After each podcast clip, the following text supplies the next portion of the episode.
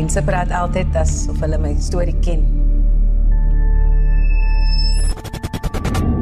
Al wat hulle weet is ek het 'n moord gepleeg. 'n Sterk, statige vrou het oor die tapuit na die verhoog gestap en die gehoor by die openingsaand van die Silverskermfees het hande geklap en gejuig. Maar dit was nie vir 'n aktrise nie.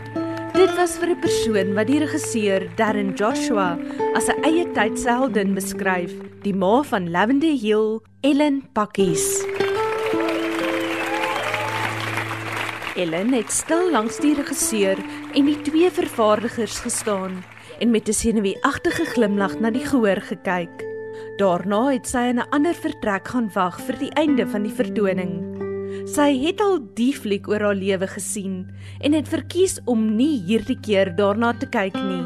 Maar wat het gebeur die eerste keer wat die flikkerende beelde uit haar verlede oor die silwerdoek geflits het? Vervaardiger Skalk Willem Burger vertel Dit was al vir ons die moeilikste ding toe ons vir haar die film die eerste keer gewys het. Dis een ding om 'n teks goed te keer. Dis die ander ding om die eindproduk te kyk. Dit was baie baie moeilike. Ek bedoel ek sal nie 'n fliek vir my eie wil kyk nie. Nee, ek het nie naaste by deur die goed gegaan wat sy gegaan het nie. Vir haar om te sit na daai 2 ure na daai film te kyk. Was regtig nie 'n maklike, maar ek was nog nooit so verlig in my lewe toe ons daar klaar was en sy het self gesit by my en Paul en 'n koppie koffie gedrink en dis sê sy net vir ons, weet jy, baie dankie dat ons haar storie en Abby se storie we, we honored it op daai punt kan ek eintlik mee omgee of enigiemand anders dink is 'n goeie fliek of 'n slegte fliek. Die feit dat sy gelukkig was met hoe ons hulle storie vertel het, dit was biggest stamp of approval. Sy jy lyk nie tronk nie. Wat is ook te maas jy maar jy wil mos so skelm wees. Burger en sy vernoot Paulo Ariel se reis met Ellen het begin met 'n biografiese verhoogstuk wat Liz Meyering op die planke gebring het. Die idee was daar dat ons die film ons wil Ellen se storie vertel. En toe die eerste persoon wat ons praat is Liz omdat sy die play gedoen het. Paul het toe 'n media lawyer in Kaapstad gekry en aangestel as Ellen se prokureur en ons het toe lank met haar gesit en gevra ons sal graag die regte wil koop, ons wil graag haar storie vertel. Ellen is 'n ongelooflike sweet persoon, maar baie mense het al advantage van haar gevat. En ons het net gevoel ons wil nie onsself eers vir 'n oomblik in daai posisie sit nie. So ons het van die begin af vir haar die prokureur, ons eintlik nog gedoen het, ons het betaal vir 'n prokureur met wie ons toe gestry het oor Ellen se kontrak. En toe begin die kreatiewe proses met verskeie rolspelers wat 'n insaag gelewer het. Amy Jepta het die uiteindelike draaiboek voltooi. Toe ek vir Ellen ontmoet het, was vir my baie moeilik. Dit was emosioneel en dan moet ek vinnig oor die emosionele gedeelte gekom het en net begin skryf.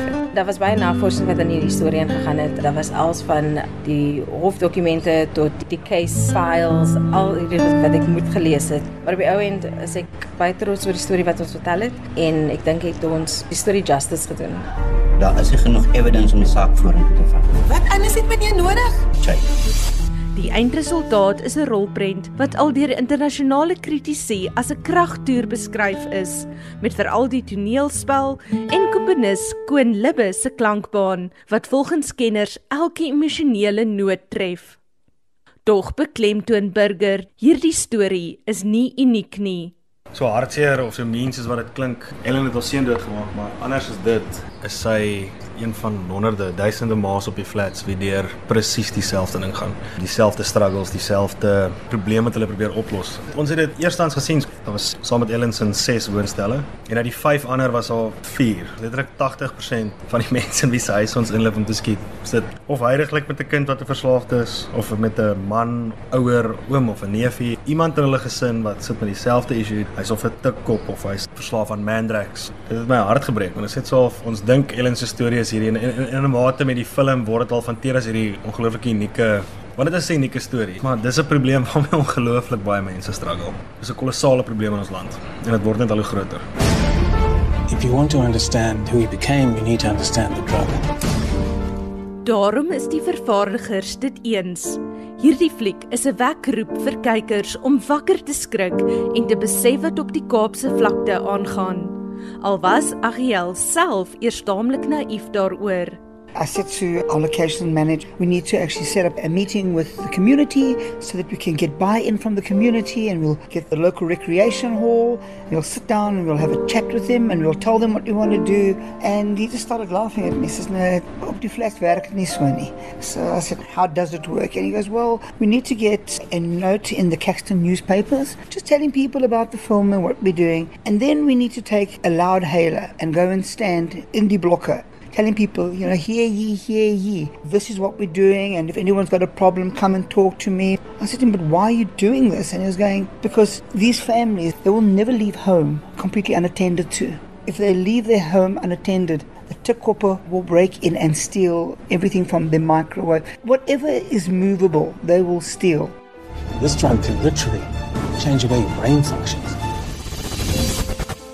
Produksiespan het joernaliste by die Silverskermfees versoek om nie onderhoude met Ellen te voer nie, maar sy self was bereid om met enigiene woordjie te deel wat met haar wou praat. Anne Marie Jansen van Vuren vir SAK nuus in Kampsbaai.